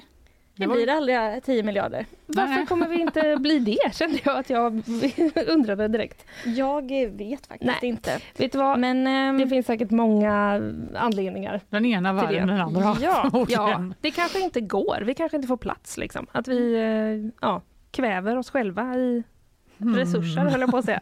Vi ska inte spekulera i det. Men Isabella, jag vill ändå att vi pratar lite mer om eh, Trump. Ja. Det här beskedet som kommer, det är man ju... Eh, alltså, jag vet inte riktigt hur det är. Man är liksom lite på spänn för det. Men samtidigt så känner jag mig nästan helt säker på att jag vet vad det kommer handla om. Och nästan helt säker på att jag vet vad han kommer säga. Ja, Men Ja. inte helt säker. nej men man tror ju att han kommer då kandidera till president. Mm. Det är ju det som eh, spekuleras kring. Men det som är spännande egentligen mm, som hör ihop med mellanårsvalet nu Mm. är att det har gått lite det har gått ganska dåligt för hans kompanjoner. Ja, Eh, sen, senast nu i, eh, ja senaste nyheten då är att Carrie Lake som var kandidat till guvernörsvalet i Arizona mm. nu förlorat och hon har ju varit en av hans liksom ja, men kompanjoner att förnekat valresultat och Mhm. den här typen av argument att liksom varit på Trumps sida där. Mm. Eh, och, men hon förlorade nu då det här valet mot Demokraterna. Och eh, det har varit flera sådana. Eh, Ja, för man har ju pratat lite om eh, den här röda vågen som uteblev. exakt. Och då, Och röda är ju precis, republikanerna. republikanerna. Man blir alltid så, varför håller de på? ja. Kan de inte byta färg? ja. Eh, nej men precis att den uteblev och att det liksom kanske inte är jättebra läge för Trump nu att till och liksom säga Nej. att han ska kandidera. Nej. Men det kanske han gör ändå då. Ja, vi får väl se. Det är ju så, mellanårsvalen brukar ju klassiskt vara, eh, om man tänker då oppositionen som vi pratar om, att eh, Demokraterna ju, har ju ledningsställning i president. Det är ju Joe Biden som är president i USA och då brukar det vara starkare att det andra partiet går starkare i mellanårsvalet. Så har Mm. det inte riktigt varit. Nej, Men det har ju, vi ska också säga att det inte är helt, helt eh, valresultatet är inte klart heller. nej det är Det inte det fortfarande. fortfarande. Det räknas och Mm. räknas. Ja, Jag skulle vilja säga en sak till som Ja. kommer här nu är ju att inflationen går neråt. är det sant? Jag ska Vilken ta fram sjuk här. reaktion. Visst var det en sjuk reaktion? Oh my god! Ja. Det var för att jag var så inne på att den skulle gå uppåt. Jag bara, En glädjens det dag. är ju, Ja. Då är det nästan som att Kalle får lite rätt i Ja. sin eh, Storm is over. eh, Precis, han pratade ju om att eh, tidigare i veckan, var det igår? Eller Det, var det i fredags? nej, det var nog i fredags tror Ja. jag. Att, Om att, eh, ja. det sjunker i USA. Mm. Eh, och eh, nu faller det även här då i Sverige. Vad är det här för siffror som har kommit? Eh, det är SCB, jag läser också här precis. Ja. Eh, den bromsar in för första gången, skriver GP.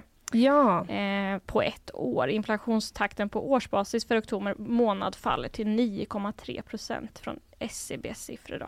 oj, Mhm. ja men det finns lite ljusglimtar i världen, Gör det? på att säga. Superbra. Eh, Isabella, tack så hemskt mycket för de här rykande färska Ja, nyheterna. det får man verkligen Ja. säga. Eh, tack. vi ses eh, sen, ta en kaffe eller något. Det gör vi. Här blir som vi säger på göteborgska, här blir superrätt. Vi är i bakvagnen Fanny. Jajamän, Vill du börja?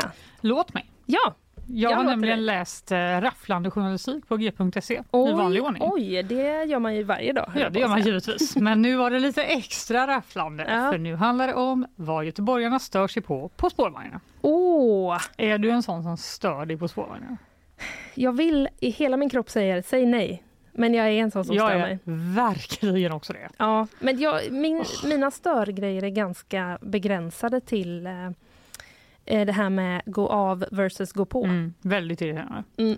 Eh, för det är nämligen så, eh, som de flesta kanske vet, eller inte då, eh, att Västtrafik har ordningsregler för hur man ska bete sig i kollektivtrafiken. Jaha! Ja, man får inte skräpa ner, man får inte vandalisera, man får inte använda sin mobiltelefon på ett sätt som stör andra eller eh, hindrar andra resenärer med sitt bagage till exempel. Vad sjukt om du hade pausat efter man får inte använda sin mobiltelefon. det var så. Något som Vi ingen vill, vet. vi vill att på våra spårvagnar, då ska man eh, ta det lugnt och pausa.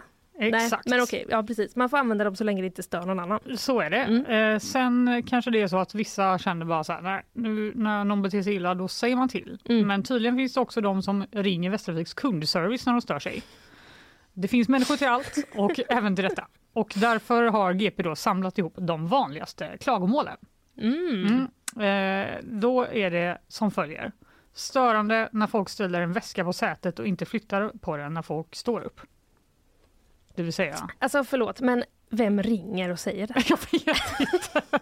Det vet ingen. Vad vill de liksom att Västtrafik ska göra åt det? Exakt, det tänkte jag ju också. De har också ringt om att eh, ja, man inte ger upp sin tillgänglighetsanpassade plats till äldre eller funktionsnedsatta. Mm. Att man låter sina husdjur sitta på sätet, inte visar eller har en giltig biljett, kliver på i fel dörr eller inte låter då andra kliva av innan man själv ska gå på. Just det, den Det sista som kan du jag... störde dig på. Ja, den skriver jag under på helt. Ja. Men vad spännande att andra resenärer klagar på att medresenärer inte har biljett. Jag, det fattar inte jag heller. Vad är det för präktig människa? Ursäkta mig, har inte du en giltig biljett? Jag ringer Västtrafiks kundservice och säger mest, till. Ja, men det är nog mest eh, som jag hänger upp mig på att man orkar ringa det samtalet. Mm, jag vet. Det finns ju viktigare samtal som man inte orkar ringa. ja, Alltså det, verkligen det gör det typ boka om min tandläkartid som kommer närmare och närmare här. Det har jag ju inte orkat Mm, göra. Du får bara gå på det. Ja, jag får göra det. Men eh, vad spännande. Ja, men så här är det då att eh, Christian Lantz som är presskommunikatör på Västtrafik, han säger att det måste gå ganska långt innan eh, en vakt kommer dit. Ja, Det kan inte bara vara så här, du, det är så att eh, det är någon som har ställt en väska här. Och jag vill gärna sitta där. Vad sa du? Det är inte som att de Jag bara direkt. ringer Securitas direkt då, utan eh, ja, du blir inte avkastad om du typ lyssnar på musik för högt Nej. heller, utan det, det, du måste väl göra något mer allvarligt. Mm. Dock så kan det vara så att föraren säger till Mhm. eh, om det är någon som beter sig illa då, att man får Ja. en liten sån varning. Mm. Eh, och GP har också varit ute och åkt lite spårvagn Mm. med vanligt folk. Ska jag lys- fråga dem, vad stör du dig på? Jaha. Ska vi lyssna på eh, underbara Marianne Krok och vad hon har att säga om saken. Vad stör du dig på att folk gör i kollektivtrafiken? Mycket, mycket lite. Men vid 20-årsåldern hade jag andra åsikter. det, vid 75 så retar man sig inte så mycket på folk. Skulle du säga till om du eh, såg någonting som du störde dig på? Ja, det tror jag. Ja, det tror jag. Jag har rätt lätt att säga till med en viss blick. Gud vad jag känner igen mig i Marianne Krok. Jag vet, men då blev jag så här, vad var det hon störde sig på i 20-årsåldern? Var Ja, inte det lite konstigt? jo men det är ju där jag är nu. Ja, Det är väl därför jag stör mig nu då kanske. Så kommer jag, när jag är 75 då kanske jag har stört mig i... men det ska sägas att Marianne Krok är 76 år. Mm. Så det är väldigt länge sedan Ja det hon är störde sig. jättelänge sedan hon störde sig. Och om man läser, djupläser den här eh, Mm. artikeln som jag då har gjort, då visar det sig att det hon störde sig på i 20-årsåldern var fiskegubbarna från Feskekyrka, för det stank i hela bussen. det tycker jag ändå man, alltså respekt. Ja absolut. Man går på så på morgonen bara, Ursäkta vad... luktar det så sill Luktar i sej och... hela, och, eller Sill och sej. sill eller sej i hela bussen. Det vill man ju inte. Nej, vilken eh, rimlig sak att störa sig på. Ja, men jag vet inte, jag kan ändå känna så här, ring inte typ kundservice. Nej. Alltså antingen får man väl säga till eller så får man typ gå av. Ja just det, men är du team säga till? Nej, jag är team stå och sura Ja just det. i tystnad. Jag är också det teamet. Jag är också team rädd för att bli tillsagd. Ja, fy, det är så förnedrande. Usch. Låt Väldigt. oss bete oss i spårvagnstrafiken så slipper vi. Ja.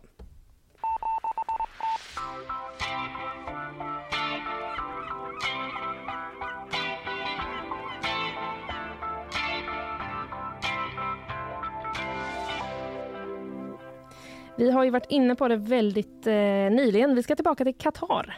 Jaha, Mm. oj oj oj. Väldigt, väldigt nyligen. Mm. Eh, det, nu är jag på Computer Sweden. Där man brukar vara. Ja men visst är det lite otippat. Men jag Har absolut det, aldrig varit där. Jag fick lite nostalgi nästan. Eh, det handlar om eh, då människor som reser till Qatar för Mm. att eh, Ja, för att se på fotbolls-VM men också bara resa dit. Det är Mm. nämligen så att det är obligatoriskt att eh, ladda ner två speciella appar om man är över 18 år och ska besöka Qatar. Okej. Eh, och de här apparna då, det är samma som, eh, vi pratade om den här eh, Coop27-appen i Mm. fredags, att eh, då kunde man få liksom lite så här, sina samtal avlyssnade och, och sånt där. Här, nu, nu är det också säkerhets-worries i Mhm. samband med den här appen. Ehm, det är NRK då som har gjort någon slags eh, granskning och NRKs säkerhetsexpert Öyvind Vasasen Eh, enligt honom så begär de här apparna att få full tillgång till din mobiltelefon vilket innebär att myndigheterna i landet får fria händer att läsa, ändra eller radera det som finns på den. Men gud. Ja, radera hade ju ändå varit det störigaste på något sätt. Man bara, ursäkta? Jätte, vad, vad pågår? Jättejobbigt bara om någon såklart, alltså det vill man ju inte att någon ska vara inne och snoka. Nej. Men speciellt kan jag känna om de så typ raderar ens bank-id. Det är ju jättesvårt att få tillbaka. Då kommer det vara din tandläkartid och att du måste skaffa ett nytt bank Ja, ja, som är liksom bevisat det jobbigaste man kan göra. Och så är man i Qatar och då kanske det inte är så enkelt att skaffa nytt bank-id. Dyrt också heller. har jag hört. Ja. Väldigt dyrt. Dyrt? Mm. Att skaffa Alltså bank? att, nej, att vara i Qatar. Jaha. Mm. Ja, det kan det verkligen vara. Eh, den här säkerhetsexperten då, han säger vidare, det är inte min uppgift att ge, red om rås, ge råd om resor. Men jag hade aldrig haft med mig min mobiltelefon till Qatar.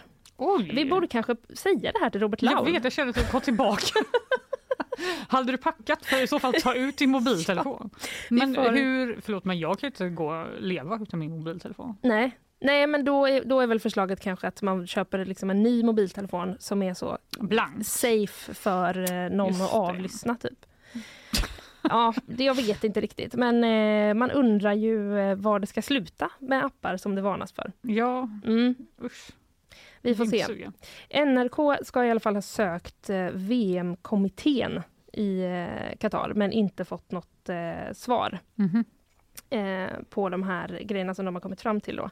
Jag, jag känner ändå att jag vill också läsa för dig eh, NRKs eh, rubrik som de har till den här Mm. eh, grejen. Alle som skall till VM må ha denne appen på mobilen. Nå slår experter full alarm. Men gud, vem Mm. är du? Va? Kan du norska? Tyckte du att jag kunde det? Alltså, om jag tyckte. Det var som att en annan person kom in. Oj, okej. Är jag Ja. med i Skam? Eh, nej, men det kanske är mitt eh, alter ego som är någon sån kompetent norsk eh, journalist som bara... Så sjukt tråkigt att ha ett alter ego som är typ samma som en själv fast kan norska. Bara, om Man du kunde inte- välja av alla grejer du kunde ha som ett alter ego. Bara, det blir en norsk journalist som är jättekompetent. Ska jag höja mina ambitioner lite kanske? Ja. Ja, vi får se. Eh, I alla fall, vi jagar ikapp eh, Robert eh, Laul och varnar honom Mm, kanske. vi verkligen. Jag vet inte om du har noterat det, men det har pågått eh, en debatt om igelkottsdöd. Det jag har sett den flimra förbi. Ja. Men det känns som att det nästan alltid pågår en debatt om igelkottsdöd. Du tycker det? ja men sådär, ska man ge dem mjölk, ska man inte ge Ja, dem det? det. Vad ska man... Ja, nu eh, är det mer så här, eh, kommer de dö av värme? Eller kommer de inte göra det? Av värme? Ja, Jag ska förklara. Ja. Ju dålig, dåligt förklaring. Nej, det var intresseväckande skulle jag säga. det var mitt mål. Mm. Eh, nej men så är det, det är ju varmt ute. Mm. Inte om du har noterat. Ja men det har jag noterat. Inga vinterkläder behövs brukas ännu. Nej, lite kanske. Tycker du det? Ja, jag vet inte. Jag Alltså- tycker att det är helt sjukt varmt. Ja, det, ja, precis det är det ju. Men det känns också som att när man går in i november då är det vinterjacka. Oavsett Jo, temperatur nästan. Då får man svettas. Ja. Men eh, det som har hänt då är att media har rapporterat i olika omgångar om att våra vänner igelkottarna kan dö till följd av värmen. Inte då av värmeslag, Nej. eh, som det kanske lät först när jag bara de dör av värmen. Men att de kan svälta ihjäl för att de Aha. förstår inte att de ska gå i ide. Nej, det är en sån gullig djur fattar inte vad som är bäst för dem grej. Det var det de sa först, men nu har debatten eh, gått vidare. Då. Alltså, normalt så går de i någon slags dvala när temperaturen understiger 10 grader. Mm. Det är ju ganska hög temperatur. Ja, det är det. Så då ganska tidigt, typ i oktober, Mm. går de och lägger sig. Va? Mm. Men nu har de hållit sig vakna då för att det har varit så varmt.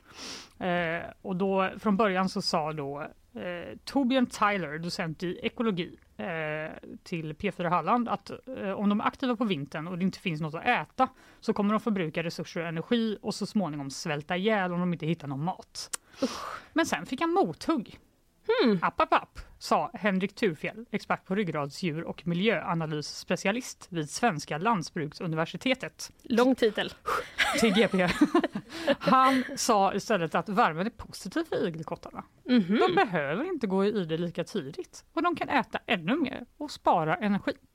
Oj, vilken spännande utveckling i igelkottsdebatten. De bara, va? Vem ska man lita på? Ja. Eh, han säger också att det är extrem torka och extrem kyla som är farlig för igelkottarna. De kommer fortsätta att gå ut och mumsa i sig så länge det finns något att äta. Mhm. Mums, Vad, mums. vad är det de äter? Alltså jag vet faktiskt inte. Jag tänker typ eh, myror kanske. Det är inte myrslokar detta. jag vet inte varför jag blir, tror också, det. det blir också väldigt många myror att äta. Ja. Men det känns som att de kanske äter typ ormar. Okej. Jag tror, Eh, jag tror, jag har liksom för mig att de typ kan ta en snok. Vad äter Igelkottarna. igelkottar? Ja. Ursäkta den här live. De äter det mesta av olika, olika slags djur i lämplig Ja. storlek som sniglar, daggmaskar, skalbaggar och andra insekter, små grodor, ödlor, ungar och sorkar och möss. Tack Fanny. Vad skulle vi göra utan det här? Vi, fick också, vi blev räddade också av eh, researcher Emily. Ja. No offense till att du läste jättemycket saker. Jättesnabbt också. Jag bara, Men ja, just det. Sniglar och daggmaskar. Okej, då kanske de inte äter, eh, de kanske inte äter eh, ormar. Det kanske det bara kanske var de jag. också gör, det är mycket möjligt. Men eh, om Men- det fortsätter då vara varmt Mm. så kan det vara så att andra arter också gynnas av det. Och då, det låter ju bra, kan Mm. man ju tycka. Mm. behöver inte vara bra. Det är nämligen så att många skadeinsekter klarar sig jättebra när det blir varmare. Och då finns det större risk att det blir väldigt många skadeinsekter året om. Nej. Är, vad är Bummer. det då? Är det typ granbarkborre kanske? Ja, jag läste faktiskt om granbarkborre innan. det måste ju du också ha gjort. Ja, Jag hörde ett- jag hörde- Vem bara drar den? Nej, men jag hörde ett eh, reportage på radion igår Mm. som var... Det är deras fel att vi inte kommer nå upp till klimatmålen. Nu bara bytte vi brutalt nyhet här. Men det är så. Är det? Det är så. Okej. Eh, jag läser här.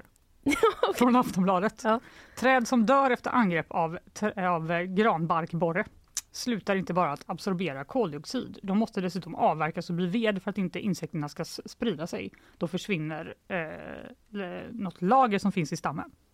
Och därför gör de Mhm. att, att eh, det försvårar Sveriges klimatmål. Just det, de kanske är en bidragande orsak. De kanske inte är den enda orsaken. Nej, det tror jag I verkligen så fall inte. skulle vi ha sett många fler eh, som protesterar med så plakat på en granbarkborre. Det kanske kommer. Det kanske Det är en kommer. nyhet vi också ska följa upp. Det gör vi verkligen.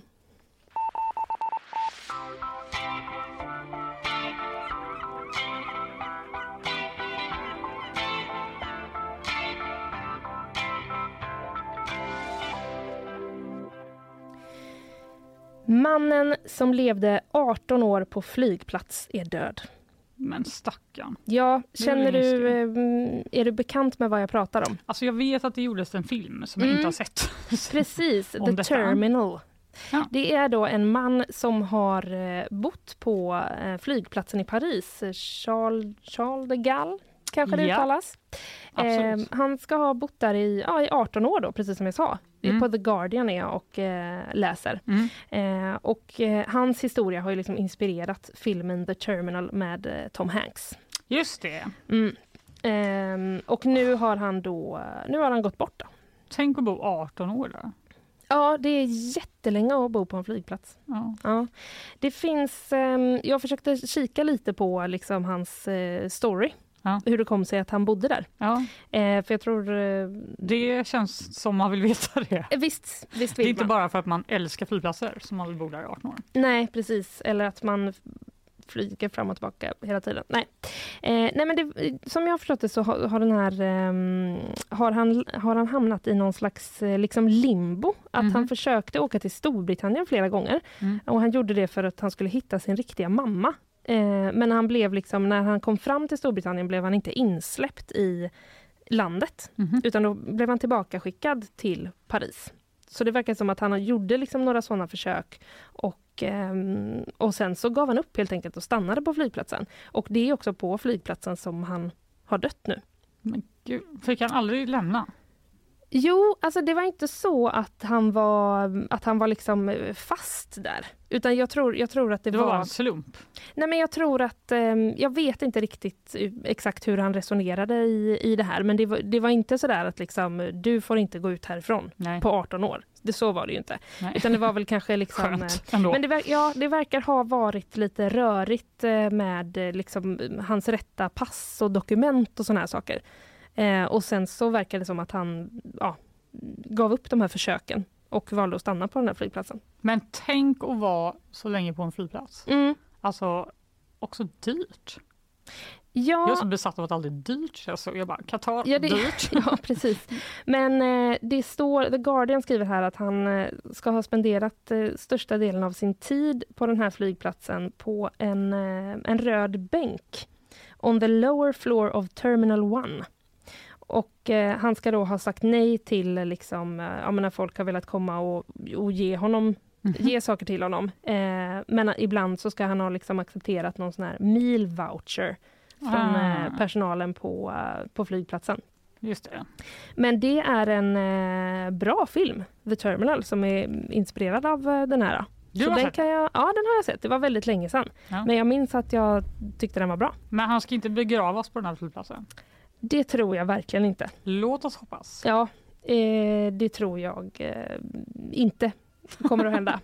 eh, men 18 år helt enkelt. Det är ju också en... Eh, alltså alla som har jobbat på den flygplatsen Ja. eller så, alla som har åkt där ofta. Det Det- blir ju ändå en... Eh, Det kommer säkert vara någon liten ceremoni vid den här lilla bänken kanske man kan tänka sig. det, kan man, eh, det kan man tänka sig. Banksy. Banksy! Känner du till? Konstnär jag känner till. Välkänd, Mm. anonym Mm. konstnär som håller på med gatukonst. Mm. Ingen vet vem det är trots att han håller på. Det känns som forever. Ja, men, ja, det känns ju helt otroligt att ingen fortfarande vet vem det är. Det borde ju ha läckt ut. Det har säkert det. Jag, jag ska säga att jag inte har forskat jättemycket. Nej, men, eh, men, han, eh, han är hen. Ja. Jag tror att det, alla vet att det är en man dock, men Mm. eh, har inte avslöjat sig Mm. själv. Och nu verkar det som att han har eh, åkt till Ukraina Jaha. för att begå konstverk. Begå konstverk. ja, Som man säger. det. Det är på hans egen Instagram så har han lagt Mhm. upp eh, bilder på konst med bildtexten eh, Borodjanka, Ukraina. Okej, vad betyder det? Det är en stad. Det Aha. kanske man inte säger så, men nu försökte jag göra det. Mm. Han eh, säger, alltså det verkar vara det som bekräftar att han är då i detta land och eh, den här staden drabbades väldigt hårt av eh, ryska invasionen i början av kriget Mm. och är väldigt förstörd. Så han har helt enkelt gjort väggmålningar i det här liksom, i bråtet som är kvar. Mhm. Och en utav dem ska föreställa en pojke som kastar omkull en man i judodräkt och svart bälte. Och den här mannen som kastas omkull eh, liknar Putin. Mhm. Så han är helt enkelt där för att eh, jag inte, göra någon slags statement verkar det som. Okej. Ja, för det är ju ändå en... eh, Det är ju mycket statements eh, har det varit från Banksy. Eller han är ju väldigt uppmärksammad på grund av, eh, inte Ja. kanske statements, men jag tänker typ på den här tavlan som var jättedyr, som de sålde på någon auktion. Och så precis när de hade klubbat priset så var det liksom någon inbyggd så pappersförstörargrej. Så Ja. halva tavla- tavlan typ förstördes. Det var ju lite eh, speciellt. Ja, men... Men- eh, Nu är han där, han vill sprida liksom, ljus på den här konflikten och nu ser jag bara på hans Ukraina eh, post att folk skriver åk också till eh, Iran för kvinnorna Ah. där behöver dig. Ja, Vi får ja. se om man åker på en liten turné helt enkelt.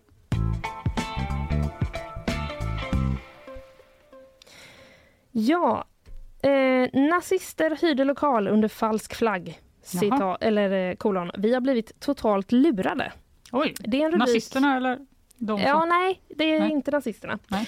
eh, jag är på Aftonbladet nu och eh, läser. Det är någon form av eh, bygdegård som Okej. man har eh, hyrt ut. Det kan man ju göra med bygdegårdar. Det är inte så att de används varje dag Nej. av bygden, jag på att Nej. säga. Exakt. Ja. Eh, ett, en liten förklaring av konceptet bygdegård. Tack. Mm. Nej, men det här är då i eh, Lindesberg. På Aftonbladet så står det festlokalen i Lindesberg bokades för en familjetillställning. Sen dök ett hundratal personer med kopplingar till NMR upp. Men gud. Vi har blivit totalt lurade, säger en person på uthyrningsföretaget. Ja, vad obehagligt. Ja, det är eh, Löa bygdegård som har eh, hyrts eh, ut. Det verkar som att det var i eh, lördags i helgen. Eh, och när man höll på att förbereda då, alltså man kanske ja, plockar undan lite för nu kommer det snart någon som ska ha en fest här eller Ja, sådär. typ ett dop tänkte de. Eller Ja, kanske något sånt. Eller liksom, eh, 60-årsfirande. Ja, eller typ vi har varit gifta si och så länge. Ja, Mm. Jag vet inte vad det var. Men de höll i alla fall på att fixa lite där och då märkte de att eh, i lokalen så fanns det flera flygblad med eh, Nordiska motståndsrörelsens logga på, alltså NMR. Typiskt. Ja, det hittade de då när de kanske skulle bara så ställa några stolar i ett hörn. Nej. Så hittade de såna här flygblad. Ehm, och eh, bygdegårdens ordförande då säger vi har blivit lurade. Det här skulle vara en fest med musik, barn och ungdomar, en familjetillställning. Det är inte roligt alls. Det är fruktansvärt och ingenting vi stödjer, Nej, säger den här personen. det kan man ju förstå. Mm. Det är ju- Det, ska, det verkar som att eh, de, har förs- de har gjort några försök att liksom häva uthyrningen också. Ja, Men det verkar inte som de har lyckats eh, med de det. fick komma dit alltså? Ja, de var där. Sen, sen vet jag inte exakt liksom hur eh, officiellt det var, men det, var, det man vet var att liksom, ja, personer eh, var i den här bygdegården som hade ja, men, eh, Flygblad uppenbarligen. Ja, men säger. flygblad och, eh, och lite sådär. Så att, eh, Man kan ja. ju tänka sig att det är lite svårt att hitta en eh, god gård att hyra om Ja. man vill sprida nazistisk propaganda på det. Precis, det kanske är många som har bestämt att vi hyr inte ut till er.